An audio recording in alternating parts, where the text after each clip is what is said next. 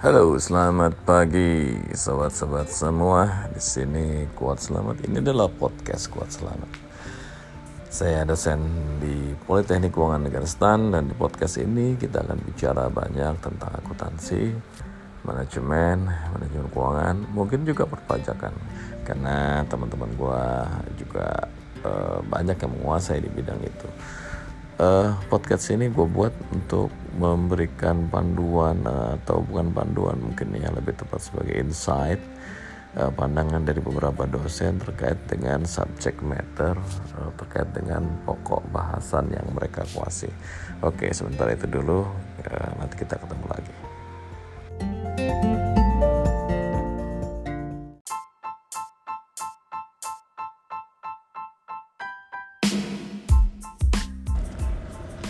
Oke, selamat pagi. Di sini Kuat Selamat dosen PKN Stan. Eh, selamat datang di Kuat Selamat Podcast. Hari ini hari Selasa, eh, hari ini Selasa tanggal 20 Agustus tahun 2019. Dan di kesempatan kali ini saya mau ngobrol nih dengan Prof Tatan. Beliau sudah ada di depan saya. Kita ngobrol-ngobrol aja, gitu ngobrol-ngobrol biasa. Saya pengen tahu perspektif Prof Tatan nanti biar kita semua tahu nih mahasiswa uh, perspektif Prof Tatan terhadap uh, kampus kita, terhadap perkuliahan kita kayak apa. Selamat pagi Prof. Selamat pagi Pak Kuat. Ya salam uh, sehat buat kita semua. Oke, okay, thank you Prof sudah mau diajak ngobrol nih. Uh, biar mahasiswa nanti saling uh, semakin kenal juga dengan Prof Tatan nih. Prof boleh sebutin nama lengkap dulu Prof. Uh, Tatan Jaka Tersnajaya. Uh, biasa dipanggil Tatan ya. Nah, kami di sini uh, buat teman-teman mahasiswa, kami biasa manggil para dosen dengan Prof, Prof, Prof, Prof, supaya uh, apa namanya suasana akademiknya lebih terasa gitu. Uh, Prof boleh tanya dulu sedikit tentang background. Kalau boleh tahu kompetensinya apa saja, Prof? Di bidang apa saja maksudnya? Kalau experience saya, saya memang lulusan D3 akuntansi waktu itu tahun 90 terus masuk ke Direktorat Jenderal Pajak selama 21 tahun menjadi pemeriksa pajak. Oh, 21 tahun? Ya. Jadi pemeriksa pajak? Ya, oh, betul. Okay. Kemudian uh, selama 21 tahun itu juga saya hobi ngajar sehingga uh, jadi trainer waktu itu di Direktorat Jenderal Pajak dan uh, tahun 2011 saya mulai jadi Widya Iswara. Oh, sempat Widya Iswara, Prof. Tahun 2000? Nah, 2011. 2011. Dengan tahun 2016 2016 daftar menjadi dosen PKN STAN. Eh, 2016 masuk sebagai dosen tetap ya, Prof ya, fungsional hmm. dosen tetap di PKN STAN. Betul. Nah, karena pemeriksa pajak itu semua jenis pajak dipelajari termasuk undang-undang formal dan materialnya jadi eh, pas mengajar di Pustika Pajak ya semua materi saya ampuh. Yang kelemahan saya hanya soft skill doang. Ya siap siap. Nah ini buat sobat-sobat mahasiswa nih biar tahu nih bahwa Prof Tatan kalau di kami di jurusan pajak ini salah satu rujukan utama itu kalau kita punya kasus-kasus gitu ya, terutama terkait dengan perpajakan ya Prof Tatan lah salah satu rujukan ya karena kami anggap punya pengalaman dan kompetensi sangat luar biasa. Uh, mata kuliah yang diampu apa aja nih Prof sekarang nih Prof? Kalau sekarang karena ditugaskan oleh Kaprodi, Kaprodi mengharapkan saya karena keunikan dari uh, jurusan pajak? Jurusan pajak dan relatif semuanya yang masuk PKN STAN itu latar belakangnya justru bukan dari ekonomi di, di, di S, uh, eh, SMA-nya banyaknya eksak gitu kan. Ya.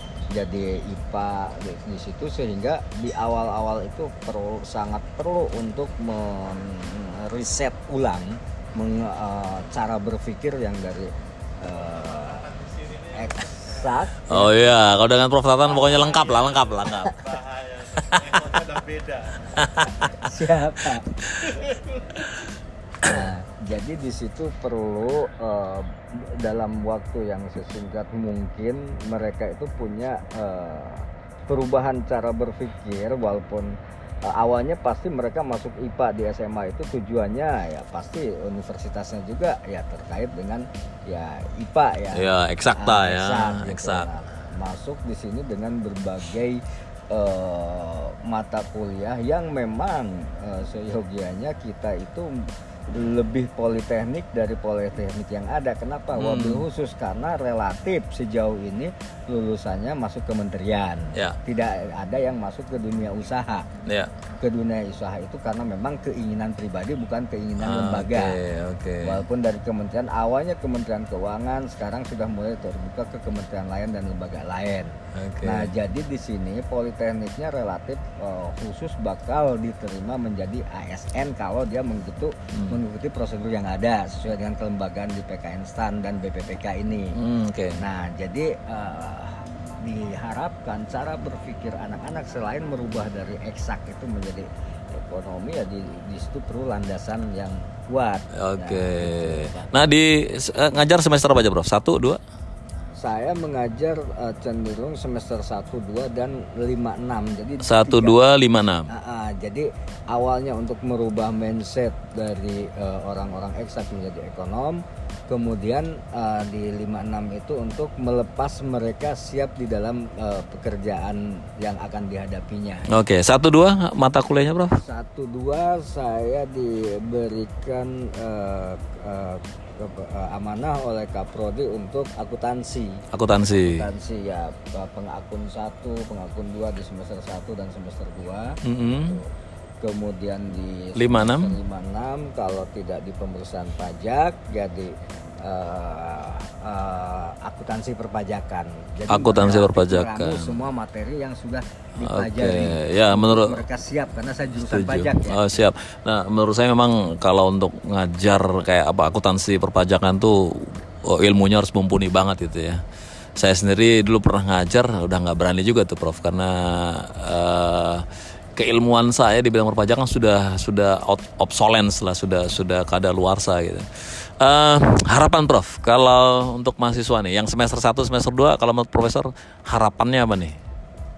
Jadi eh, ada yang miss eh, dari dari eh, niatan dari mahasiswa masuk PKN sementara ini menurut pendapat pribadi saya. Ya.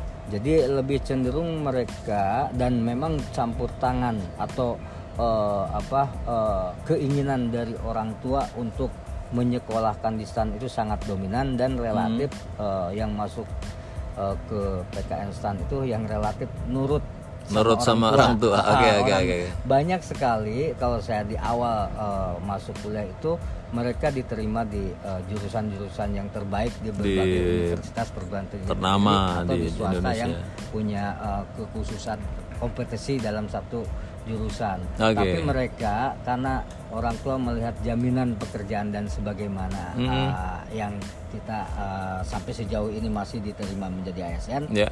Nah, eh, mereka akhirnya memilih PKN STAN.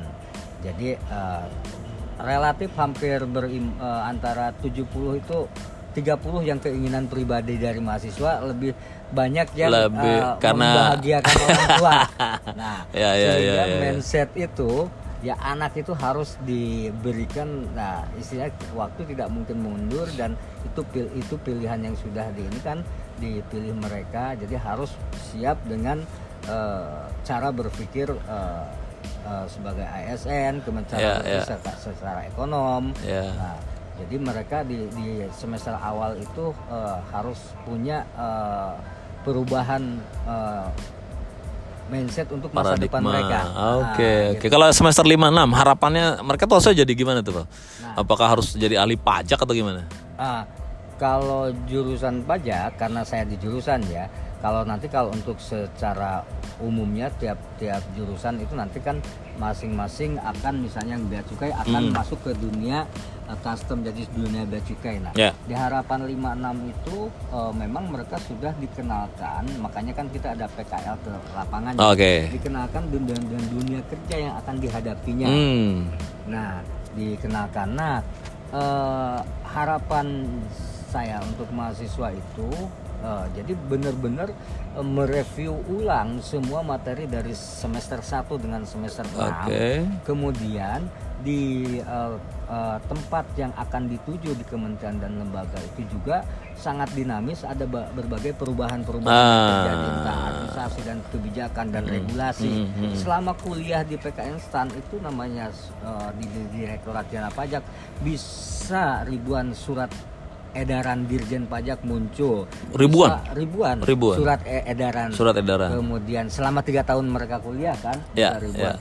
kemudian bisa beberapa tiap tahun PMK muncul kemudian S eh, apa eh, bahkan bisa PP contohnya misalnya di PP 23, PP 46 itu kan muncul pada saat eh, di 2013 kemudian 2016 muncul Ya, lagi ya. mereka itu jadi satu satu periode eh, kuliah tiga Oke. tahun ada PP yang berubah tentang jadi Oh. sangat sangat dinamis sekali Dinamis, peraturan dan oke. itu tidak bisa disalahkan peraturan di Direktorat Jenderal Hmm, Pajak ya. khususnya di Kementerian Keuangan pada umumnya karena namanya suatu regulasi mengikuti transaksi-transaksi ekonomi yang terjadi. Oke. Ya, jadi nah di sini selain mahasiswa, jadi lembaga juga mengakomodasi uh, uh, link and match dengan uh, lembaga khususnya di sini Direktorat Jenderal Pajak DJP, dan Kementerian Keuangan ya. terkait dengan regulasi-regulasi yang ada dan Ah. idealnya sih mungkin kami juga nih para tim pengajar tidak hanya belajar peraturan tapi kenapa itu peraturan muncul juga harus harus uh, di backgroundnya Ah, apa ya, background. latar Jadi belakangnya. bukan hanya ini aturan sudah berubah loh Ya. seperti ini tapi namanya dosen itu kan harus bisa memberikan uh, wawasan ini dunia sudah berubah Mhm. transaksi ekonomi berubah misalnya contohnya uh, ada sekarang e-commerce E-commerce. Secara, uh, di PPH udah jelas penghasilan tapi uh, transaksi ekonomi bentuknya jadi lain nah, Ah, jadi oke. nanti pe- uh, contoh yang harus kita uh, update dari dosen supaya bisa Mhm. transfer ke Ya. ke mahasiswa itu maka Ya. dosen itu juga harus dibuka uh, jalur komunikasi dengan unit teknis Mhm. uh, Direktorat Jenderal Pajak, Pajak, khususnya ya. di baik di kantor pusat di Kanwil atau di KPP atau di uh, KP2KP nah Ya.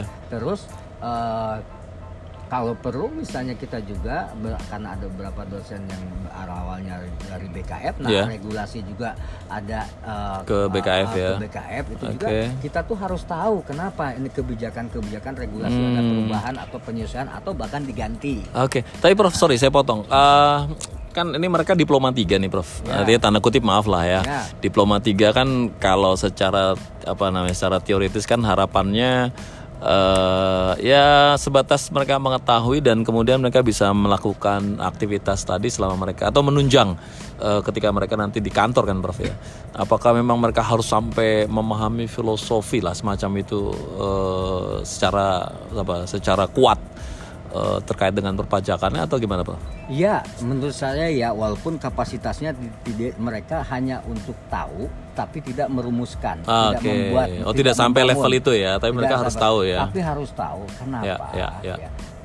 Kita ini vokasi yang memang sangat vokasi karena tujuannya arah eh, mereka itu ditempatkan di Direktorat Jenderal Pajak. Nah, ya saya setuju. Sudah saya setuju. relatif pasti. Ya, ya, ya. Kecuali memang eh, perubahan ke permintaan kementerian lain Ya, ya. atau misalnya ke penghematan sekarang yang terjadi Ya. ya itu itu kan di luar eh, apa eh, lensa yang udah dibangun di awal Betul. karena ada suatu event Ya. ya nah jadi kenapa Pak Kuat itu harus walaupun bukan mereka merumuskan suatu kebijakan Ya.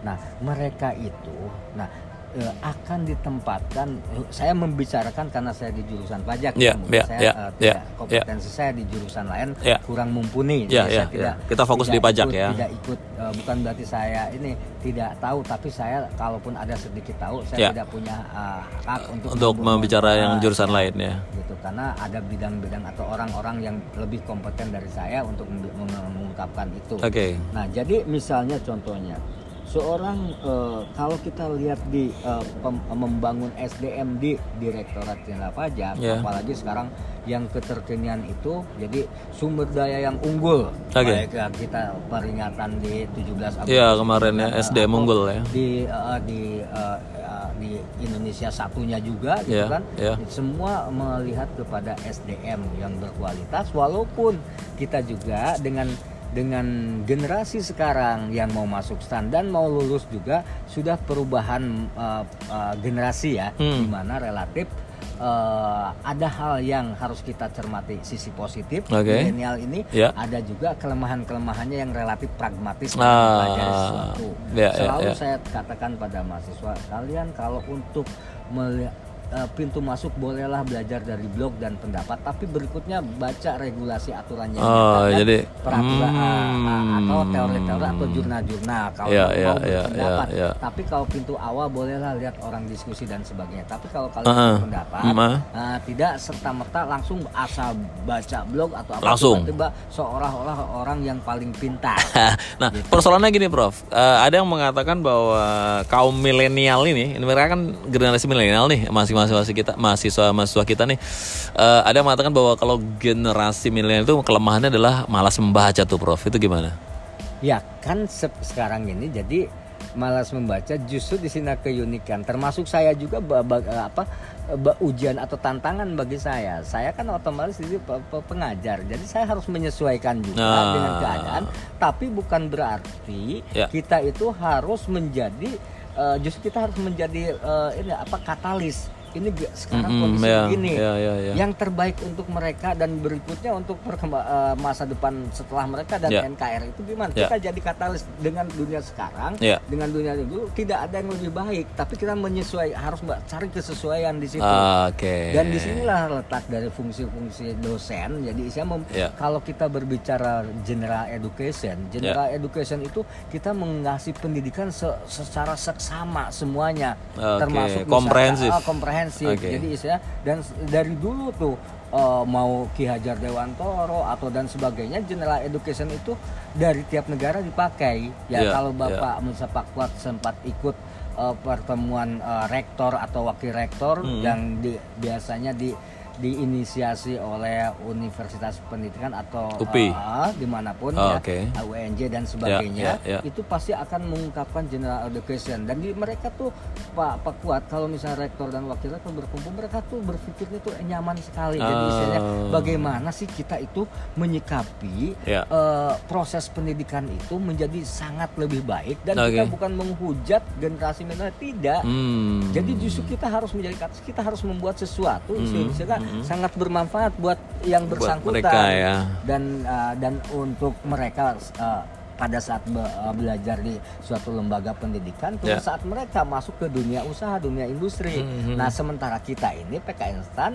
ya bukan dunia usaha gua bukan dunia itu tapi Ya, di kita ke uh, pemerintahan, aparatur ya. sipil negara Baik, jadi kita baik. tuh benar-benar lebih khusus dari vokasi Spesifik, ya. Nah kembali tadi ke pertanyaan itu, nah eh, kalau kita melihat kebutuhan dari lulusan PKN STAN yang eh, relatif dalam hal ini yang awal itu lulusannya D3 Iya, ya, tidak langsung D4 Iya. ya, walaupun rencana akan ada tapi AKD 4 ya masih dalam proses lah mudah-mudahan ya. Nah itu jadi mereka kalau kita lihat dan ini kalau kita terbuka mereka itu nanti mau jadi punya tugas apa sih gitu kan? Ah, Oke. Nah kalau saya banyak karena sebelumnya saya di Pusdiklat Pajak nih ya, Ya. yang lulusan D3 itu setahun dua tahun mereka akan mem- cenderung didudukan atau diberikan ilmu tambahan untuk menduduki jabatan akun representatif, pemeriksa pajak, Oke. kemudian eh, penelah keberatan setidak-tidaknya. Iya, iya, nah, iya. mereka itu diarahkan ke sana sehingga Ah. nah eh, mereka sendiri ya harus mengerti semua regulasi yang ada dan bisa mempraktekannya Hmm. karena mengeksekusi, menghimbau. Ya, ya. Kemudian akun representatif misalnya eh, atau mu- mungkin juga di Waskon 5 Waskon 5 itu untuk extend ya. Mereka Extend. mencari atau eh, apa mencari sub, eh, wajib pajak baru yang Ya. memang seharusnya sudah jadi wajib pajak Ya. tapi belum kesadaran sendiri untuk mendaftarkan diri menjadi Oke. wajib pajak. Ya. Nah, untuk itu kan eh, kompetensinya harus mumpuni Ah. analisis laporan keuangannya, Harus, ya, betul, analisis setuju, informasi setuju. keuangan, Ya, ya. admi- apa ketentuan formal Hmm. eh, perundang-undangan perpajakan, Hmm. ketentuan material perpajakan, kemudian bahkan mereka juga harus eh, pe- apa pengetahuan tentang aspek hukum lainnya Ya. yang terkait dengan eh, tata kelola eh, apa pemerintahan yang baik, mereka Ya. harus tahu. Kemudian saya bukan bukan karena latah misalnya Ya. eh, kemarin menteri bilang bahwa harus mengetahui eh, apa tentang keuangan negara, Keuangan negara. itu memang saya dulu punya punya pemikiran seperti itu, bukan karena latar. Oh, iya. Jadi, jadi gini maksud saya, eh, saya potong sedikit. Eh, memang kemarin itu eh, Menteri Keuangan berpesan gitu ya di dalam satu forum lah bahwa selayaknya mahasiswa PKN STAN itu tidak hanya menguasai materi-materi teknis sesuai dengan jurusannya, tapi juga menguasai keuangan negara tadi ya, Prof ya. Betul. Nah itu menurut Prof itu setuju ya? Sangat setuju. Sangat setuju. Khususnya yang di Direktorat Jenderal Pajak, Oke. dia harus tahu bahwa Ya, ya, ya. eh, pasal 23A itu bahwa negara itu ber- di setiap di setiap di pelosok dunia yang namanya negara terakhir itu Arab Saudi setelah Raja Salman ke sini dia Ya. juga menerapkan undang-undang pajak terakhir. Jadi Ah. semua negara sekarang ada pajaknya, Baik, baik, baik. termasuk Arab Saudi yang awalnya Baitul Mal. Baitul Mal. Sekarang ada Ah, pajak. ya? Sekarang sudah ada undang-undang Oh. pajaknya. Oke. Nah, sangat jadi konsep eh, negara yang ada negara itu karena Hmm. tiga unsur utama yaitu ada wi- eh, rakyatnya, Ya. kemudian ada wilayah, Ya. kemudian ada pemerintahnya. Oke. Sepakat mereka membentuk negara, Ya. kemudian eh, syarat keempatnya adalah pengakuan dari negara lain. Oke. Nah, karena kita suatu organisasi, berarti organisasi itu butuh uang untuk melaksanakan. Nah, Ya. betul. kita sepakat si rakyat ini. Ya. Nah, sepakat membuat organisasi untuk memanage kami satu wilayah negara Hmm. yang diakui. Ya. Nah, secara formalnya, baik secara substansinya ada rakyat, ada Oke, wilayah, ya, ada ya, pemerintahan. ya, ya, ya. Nah, untuk itu kan perlu duit, perlu biaya. ya.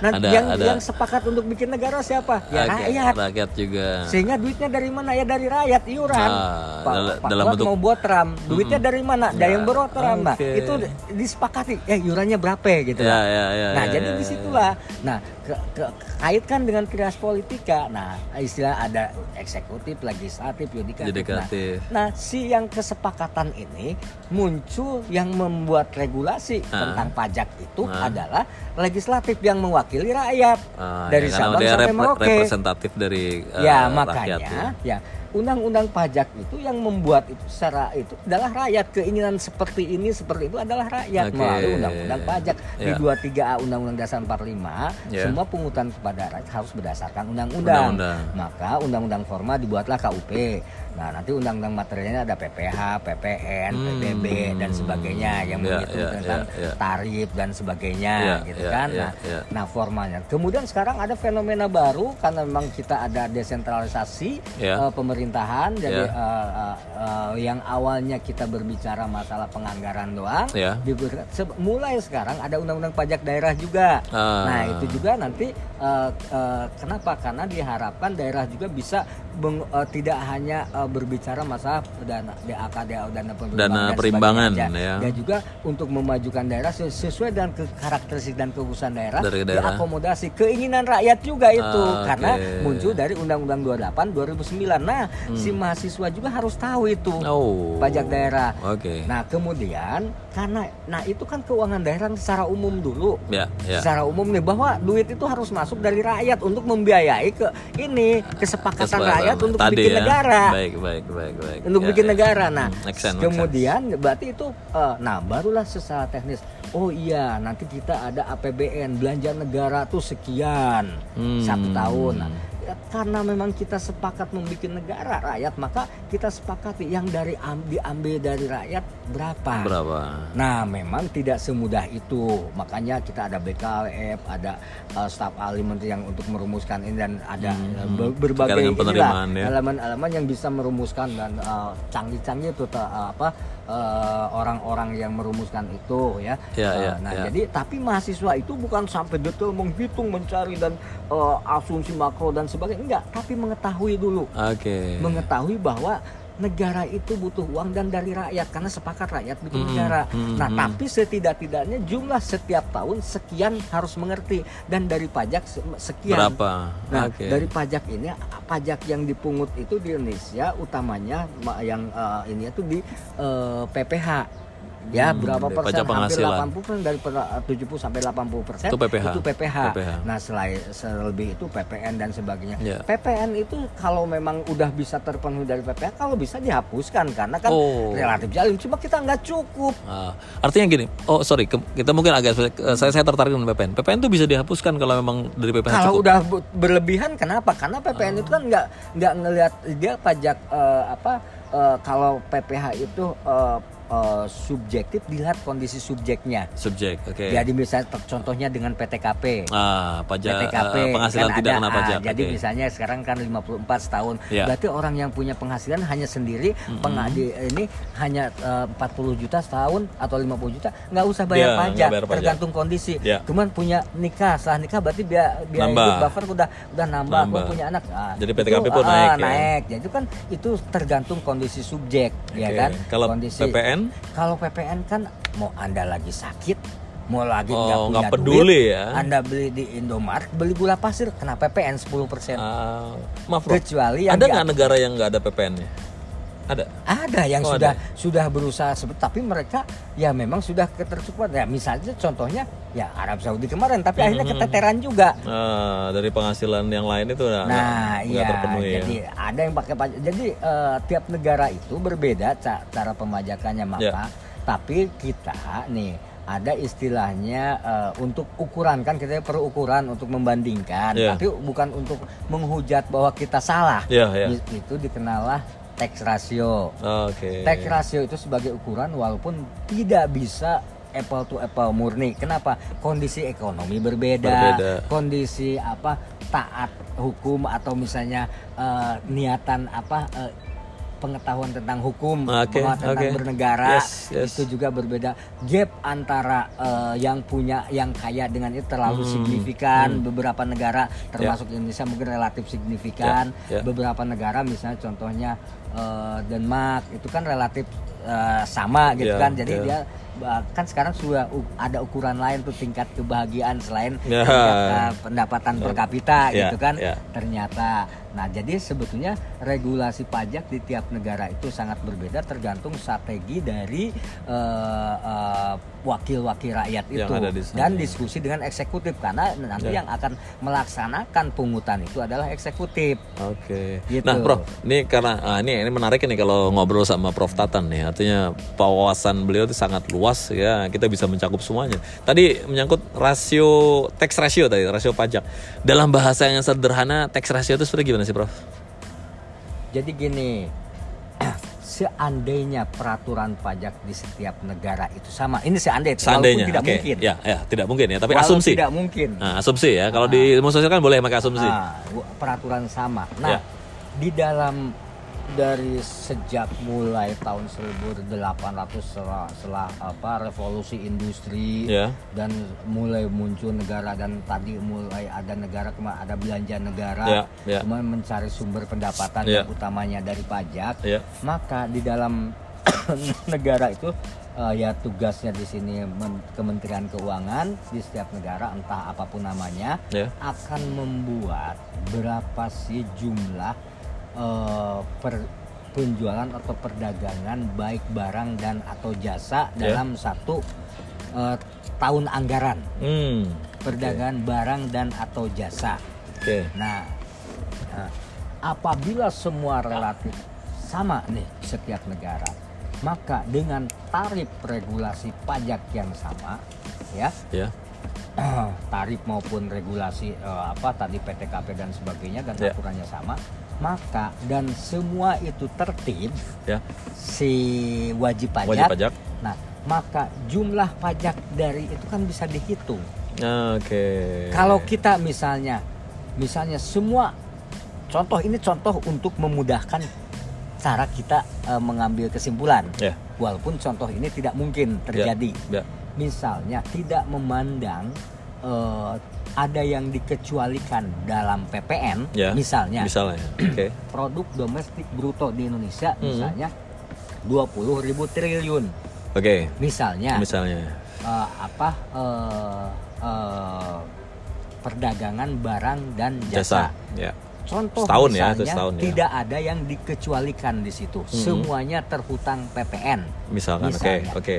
Maka PPN itu 10% tarifnya. Ya. Maka dihitunglah 2000 triliun, Triliun. di situ. Oke. Tax ratio kita berapa? Tax ratio kita Nah. berapa bro sekarang? Saya saya nggak hafal jujur Nah, aja. Nah, kemungkinan sebelum sebelum itu ya, Hmm, kemudian hmm. ada negara lain yang sama, regulasinya sama. Oke. Produk domestik brutonya misalnya di situ 50 ribu triliun, Oh, lebih maka lebih gede ya? PPN 5 5.000 triliun. Tapi Oke. kan tidak mungkin itu kondisi terjadi Iya. di PPN, Iya, ya kan? iya, iya. Nah, kemudian tadi juga eh, eh, kemudian di PPH, ya di PPH tarif pajak tiap negara berbeda. Beda-beda. Ya kan Indonesia termasuk moderat tidak terlalu rendah tidak terlalu, Terlalu tinggi. tinggi. tapi di Asia relatif tinggi Oke. Ya untuk kan? untuk Asia kita tinggi ya? relatif Oh, ada yang oke. lebih kecil Oke. walaupun ada yang lebih besar sedikit Oke, ya, Nah, ya. jadi PPH nah di regulasi kita di pasal 17 PPH ada pembedaan juga Mm-mm. untuk badan itu Ya. 25% dari penghasilan kena pajak Oke. setelah dihitung mekanisme aturan regulasi yang ada Ya. Kalau orang pribadi dengan lapisan tertentu di pasal 17 5 15 25 30 5, 15, Ah, 25, sampai 30. dengan 50 juta 5 persen Ya. antara 50 juta sampai 250 berarti 250. rentangnya 200 juta itu Ya. 15, 15, terus 250 sampai, sampai 500, 500, juta itu 25. eh, 25 di Oke. atas itu 30%. nah itulah eh, menunjukkan PPH itu pajak subjektif tergantung Oh, kondisi tergantung si subjek. Ah, oke. si subjek memperoleh Si subjek, ya, penghasilan ya, ya, ya, jadi ya. berusaha nah pajak itu kan fungsi re- reguler juga mengatur Mengatur. Oh yang kaya lebih penghasilannya pajaknya Lebih tinggi, sekian lebih tinggi. Oke, Ya ya. fungsi reguler.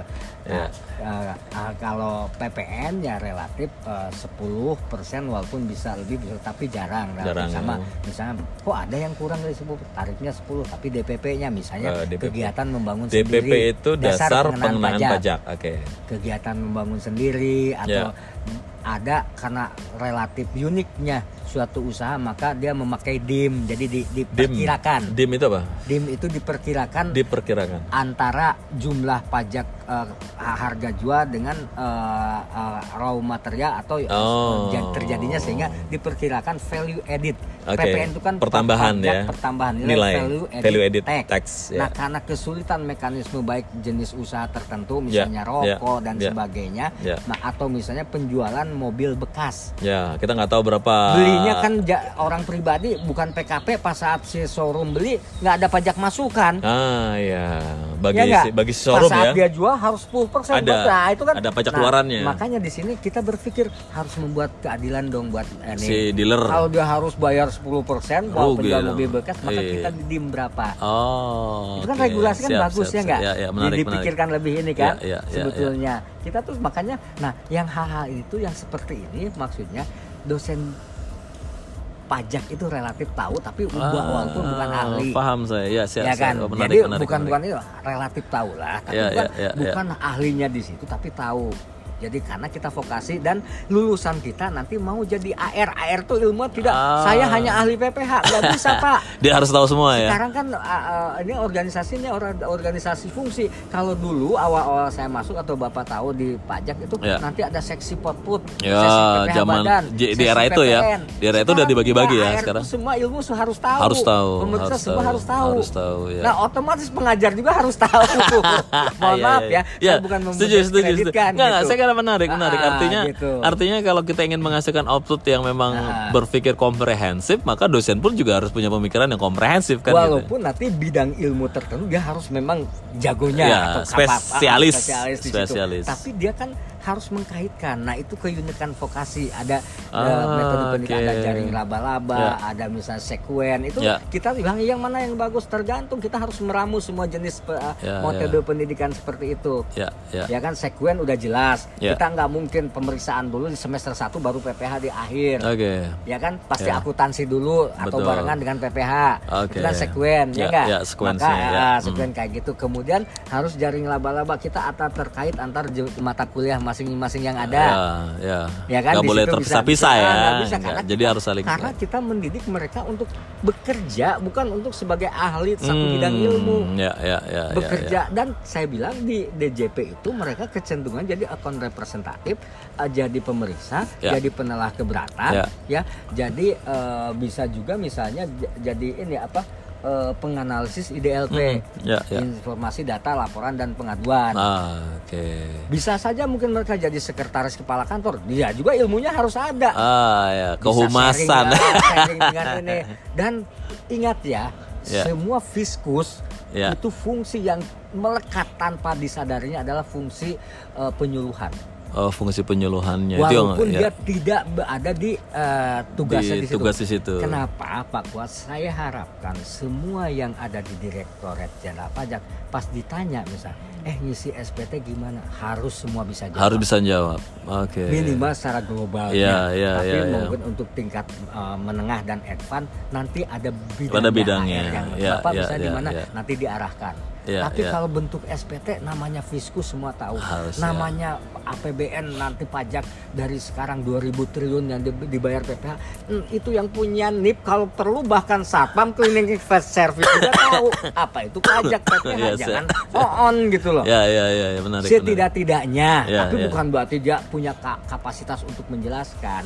Oh iya Pak, jadi di sini si satpam pada saat ada yang mengeluh misalnya, kok begini sih, dia menjelaskan, ya Ya. Pak nanti sepekatuan saya seperti ini, tapi Bapak biar lebih jelas bisa menghubungi AR, Oke. bisa menghubungi front office, dia mengarahkan. Ya. Jadi nggak tahu tanya aja ke sana. Jadi si satpam juga tahu, mungkin ada pendidikan khusus bisa Ya. diakomodasi yang bukan bukan bukan jadi ahli tapi Ya. mengarahkan. Minimal tahu ya. Eh, mengarahkan ini nanti hubungi Ke sana, ini ya, waskon. 1 2 3 nanti ada AR Ya. atau misalnya nanti ada ada mengarahkan Ya. kan harus tahu tuh. Hmm, hmm, hmm, Dah, hmm. tahunya itu bukan otodidak mereka tahu harusnya diakomodasi oleh lembaga. Iya, kan iya, kita iya. mau men- meningkatkan kualitas pegawai. Iya. Nanti kalau kembali ke mahasiswa Oke. berarti, berarti di mana pun penempatan mereka ini khusus nih teman-teman sobat mahasiswa yang semester 6 nih khusus yang udah mau udah mau keluar dari kampus nih mau kerja artinya di mana pun penempatan mereka mereka sebenarnya fungsi penyuluhan itu harus harus ada ya Kalau Direktorat Jenderal Pajak, ya ya Wajib menurut wajib saya. wajib harus Jadi tahu saya ya eh, selalu pas saat eh, semester 6 ngajar semester 6 khususnya pemeriksaan dan sebagainya, Anda siap dipanggil Bapak dan Ibu. Oke Pertama sambil bercanda. Oh, iya, gitu betul, betul. Iya, Nah, iya. Namanya Bapak dan Ibu itu bukan sebutan, tapi Anda mumpuni dalam bidang ilmu Ah, yang Anda ditempatkan di Direktorat Jenderal iya, Pajak. iya, iya. artinya masyarakat taunya anda ahli dong gitu ya di Iya, bidang itu tidak ya ada alasan lagi, Pak, saya baru lulus. Oke. belum mengerti. Ya, ya, ya, ya. Saya yakin walaupun memang relatif selalu perlu penyempurnaan Ya. di prodi khususnya di prodi D3 pajak Mm-mm, ini ya kita siapkan mahasiswa itu walaupun memang untuk ya tadi eh, keterkaitan antar kasus-kasus yang ada yang dipelajari dari semester 1 sampai seperna semester enam. kita belum membangun suatu eh, studi kasus yang eh, grandnya gitu Ya, ya. Jadi ya idealnya kami ya di jurusan pajak sudah banyak diskusi untuk mem- membangun itu. Oke. Jadi sehingga seolah-olah si mahasiswa di, di- harapan saya nih Ya. baik dosen, baik lembaga maupun mahasiswanya sendiri kita ini sedang latihan di sini tapi Nah. untuk latihan itu perlu pendidikan atau ilmu-ilmu dasar di C1 C2-nya Ah. tentang mereka kan banyaknya C1 dari C2 ini ini ya apa Memahami, ah, ah, apa ah, tahu, ya. Eh, mulai mulai ada sedikit Oke, analisis. oke. Kenapa mereka sebentar lagi menjadi eksekutor? Ya, ya, ya. ya. AR meng- menganalisis, menggali potensi, Ya. menghimbau. Me- Ya. AR jurusita, terus eh, penelah keberatan, pemeriksa. Hmm. Pada saat orang nanya nggak bisa lagi punya alasan saya nggak ngerti. Nggak Pak." ngerti itu. Oke. Oh tadi maaf yang C1 itu taksonomi belum. Taksonomi belum yang Oke. dipakai. Oh ya, taksonomi yang kita pakai dalam hal ini belum. Belum, ba- belum. Banyak sih, eh, ah, cuma tapi kebanyakan yang paling banyak dipakai belum. oleh eh, BPPK dan Pendidikan ya, DJP di pendidikan, relatif ya. Di taksonomi belum ya. taksonomi belum. Yang dari walaupun belum juga sudah ada sedikit penyesuaian oleh anak didiknya kan belumnya udah wafat tuh. Oh ya, Ada ya sedikit di tuh di di penyesuaian di Nah, di jadi perbaiki ya.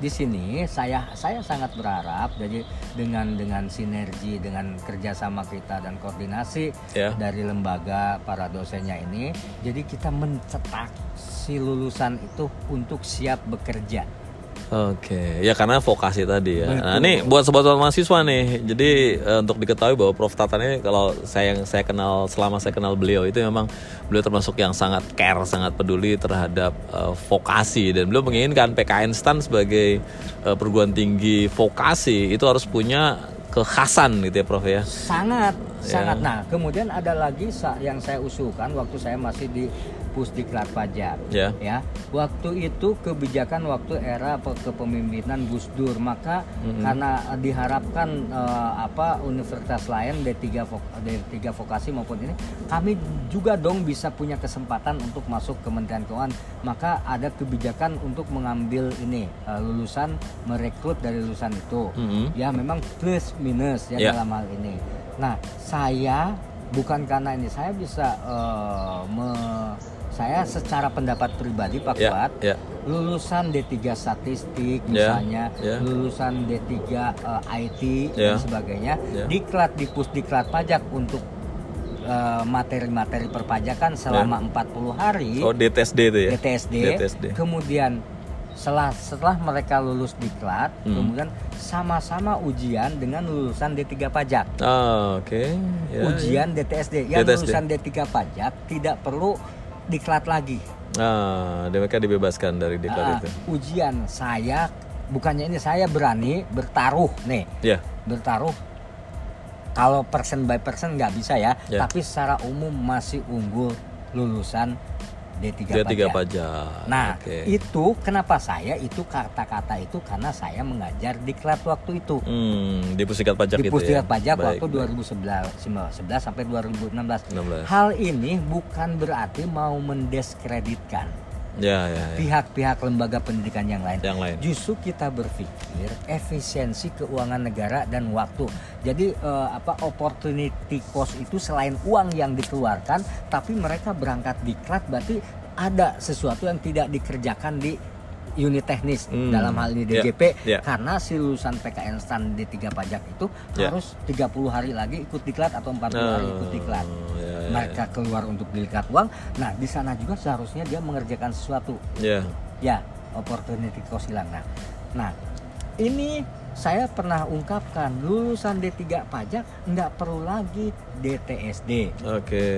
Ya, efisiensi biaya Iya, dan iya, waktu iya. mereka bisa bekerja di sini. Ya. Dan sorry, sekarang dibebaskan mereka dari DTSD? Enggak masih. Oh, masih ya? Masih masih, Oh. itu.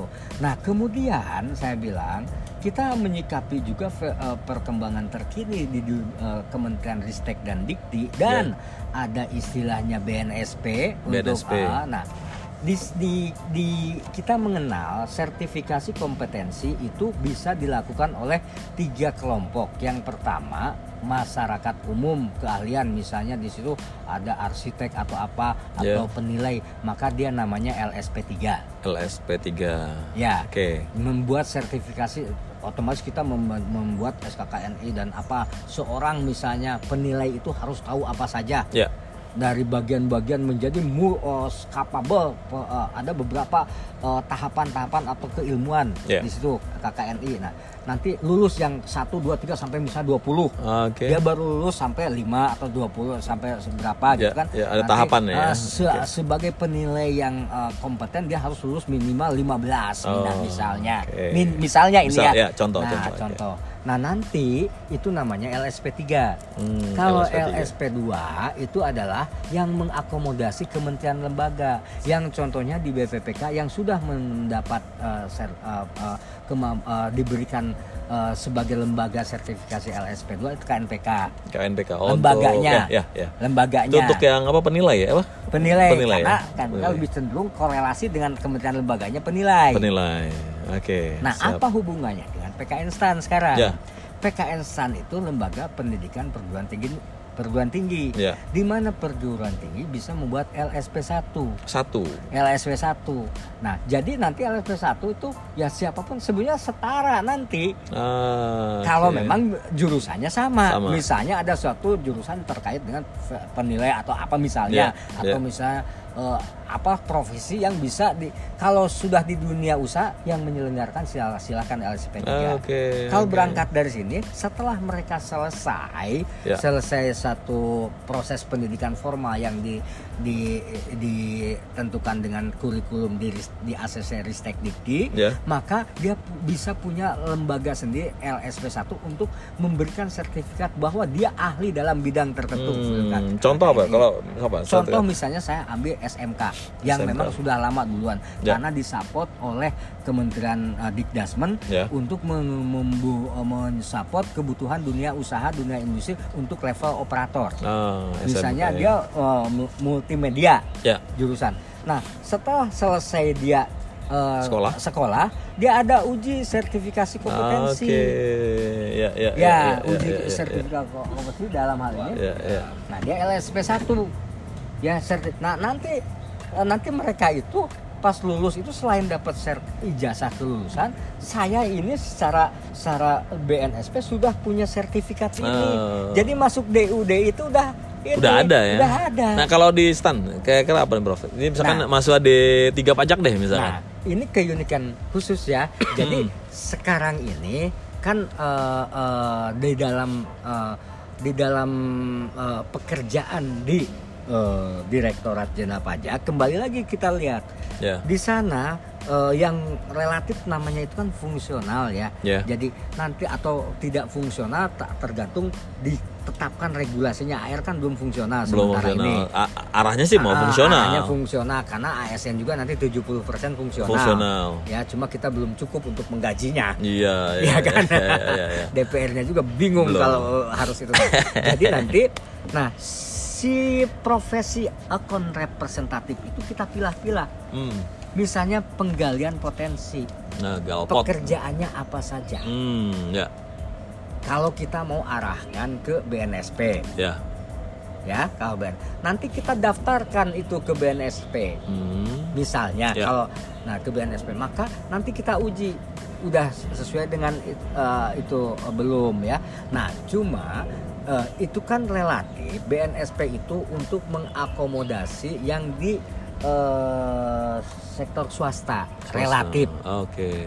Untuk swasta relatif diatur ya. Ah, Oke, nah ya, ya. dalam hal eh, ini dalam hal untuk eh, negeri atau Ya. eh, eh, pemerintah Ya. misalnya Ya. Nah, ini diklat-diklatnya, diklat pemeriksa pajak, diklat akun representatif, Hmm. sehingga sertifikatnya sertifikat diklat pemeriksa pajak dasar, Ah. diklat pemeriksa pajak menengah, Menengah. diklat pemeriksa pajak lanjutan, atau Lanjutan, tinggi. tinggi. Nanti ada akun representatif dasar, Oh, dibagi-bagi juga ya leveling ya. Kemudian nanti eh, ada dulu kalau mau di- eh, di- digabungkan antara pengem- apa pengembangan di yang ikut dilan nanti Ya. ada PPH menengah, ini KUP menengah. Nah, itu juga harus duduk bareng itu antara LAN dengan unit tenis. Karena maaf di Direktorat Pajak, Direktorat Jenderal Pajak itu juga ya ada pola pola eh, pengembangan pegawai sendiri. Oh. Nah, walau nah itu juga kan Bapak Kuan mesti ingatkan korpu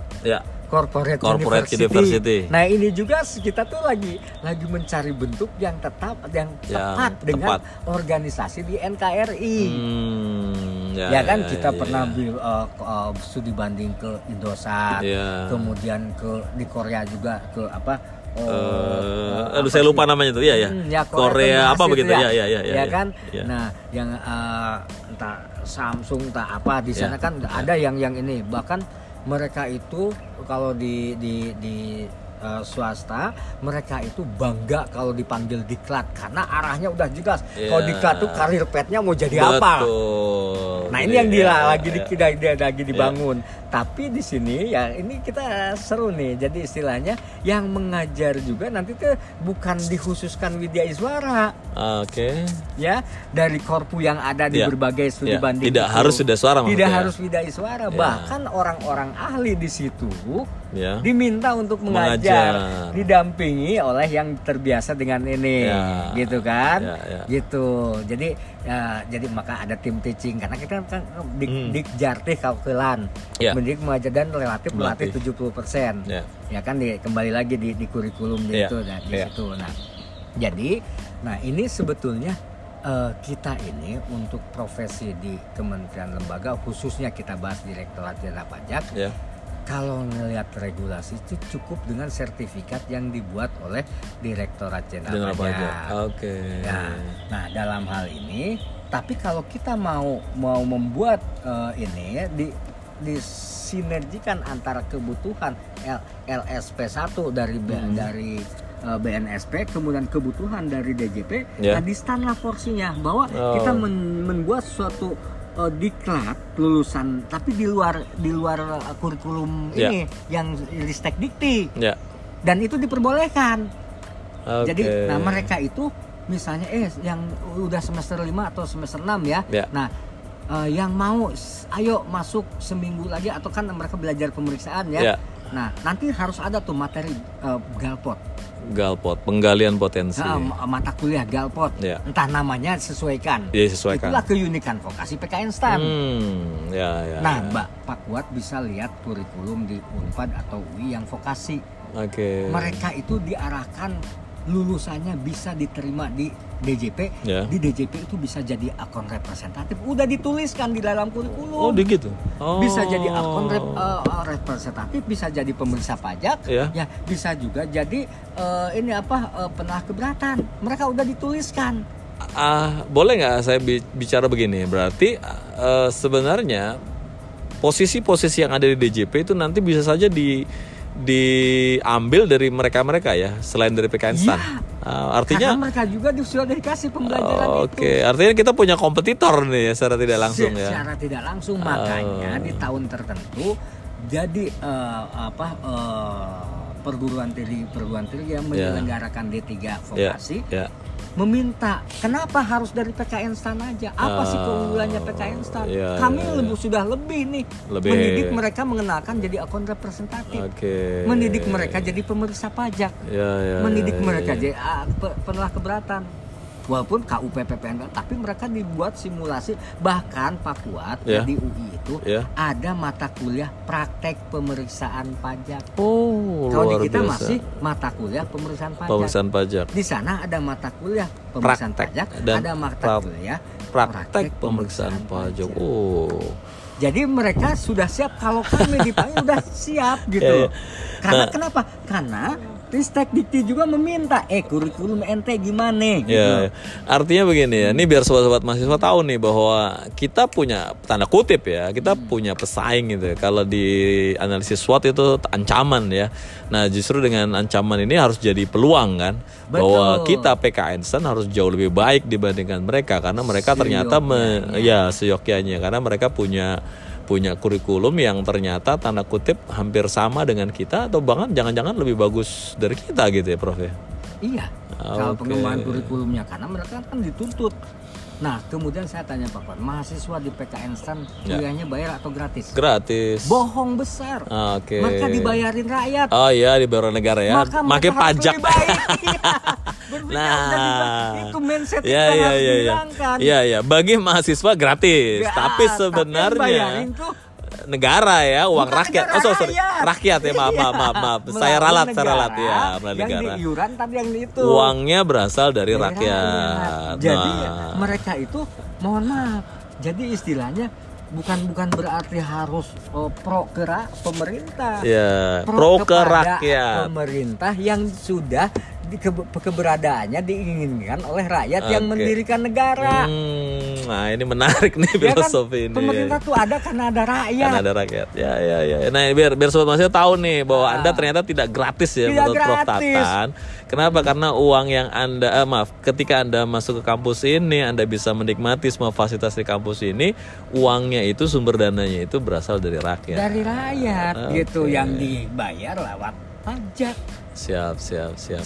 Ya. Tapi eh, siap sobat mahasiswa ngomong-ngomong, sebenarnya gini loh, eh, saya harus ngomong jujur nih. Di awal saya tadi waktu mau minta Prof Tatan untuk saya wawancarai itu saya bilang sama beliau, saya minta waktu Prof sekitar 10-15 menit lah. Ternyata kita 52 menit Prof. Artinya ini udah satu SKS sendiri nih. Ini kalau dilanjutin bisa 10 SKS nih kalau dengan Prof Tatan gitu loh. Dan eh, ini menarik topiknya. Mungkin nanti akan saya sobat mahasiswa saya akan buat edisi lainnya lah gini. Karena saya sering ngobrol dengan Prof Tatan dan memang luar biasa lah pengetahuan beliau. Saya maaf Prof, bukan karena saya bukan karena Prof ada di depan saya tapi saya harus mengakui bahwa memang pemahaman, penguasaan eh, pengetahuan yang dimiliki Prof. Tatan ini menurut saya sangat komprehensif. Kita sobat mahasiswa kita butuh orang-orang seperti beliau. Kenapa? Karena eh, kita tidak hanya apa namanya eh, dituntut untuk menguasai satu bidang ilmu, tapi kita juga harus punya pemikiran yang komprehensif terhadap hal apa pun gitu ya, terutama ketika nanti Anda bekerja, itu Anda jangan cuma taunya satu aspek ya, misalkan PPH doang, PPN doang, tapi Anda harus tahu tuh background-backgroundnya apa ya harapannya kan anda juga bisa jadi eh, bahkan gini menurut saya harapannya anda kalau bisa jadi Prof. Tatan pengganti Prof. Tatan ya. jadi Prof. Tatan junior gitu. Eh, Prof. Tatan saya cut dulu. Eh, terima kasih. banyak nih atas wawancaranya. Mudah-mudahan bisa memberikan insight pandangan di obrolan ala-ala dosen PKN STAN ini. Dan nanti kita ketemu lagi di sesi yang lain. Saya juga akan ngobrol dengan eh, dosen-dosen lainnya juga. Ya satu ketika kita bisa ngobrol tema yang spesifik dengan Prof. Tatan saya kira itu ya Prof ya. Terima kasih banyak Prof ya. Terima kasih sama-sama. Assalamualaikum warahmatullahi wabarakatuh. Waalaikumsalam Prof Tatan sekali lagi. Terima kasih banyak Eh, sobat mahasiswa. Itu tadi perbincangan saya dengan Prof Tatan di obrolan ala-ala dosen PKN STAN sampai ketemu di podcast berikutnya. Eh, ya tunggu saja lah edisi berikutnya ya. Terima kasih. Wassalamualaikum warahmatullahi wabarakatuh. Selamat pagi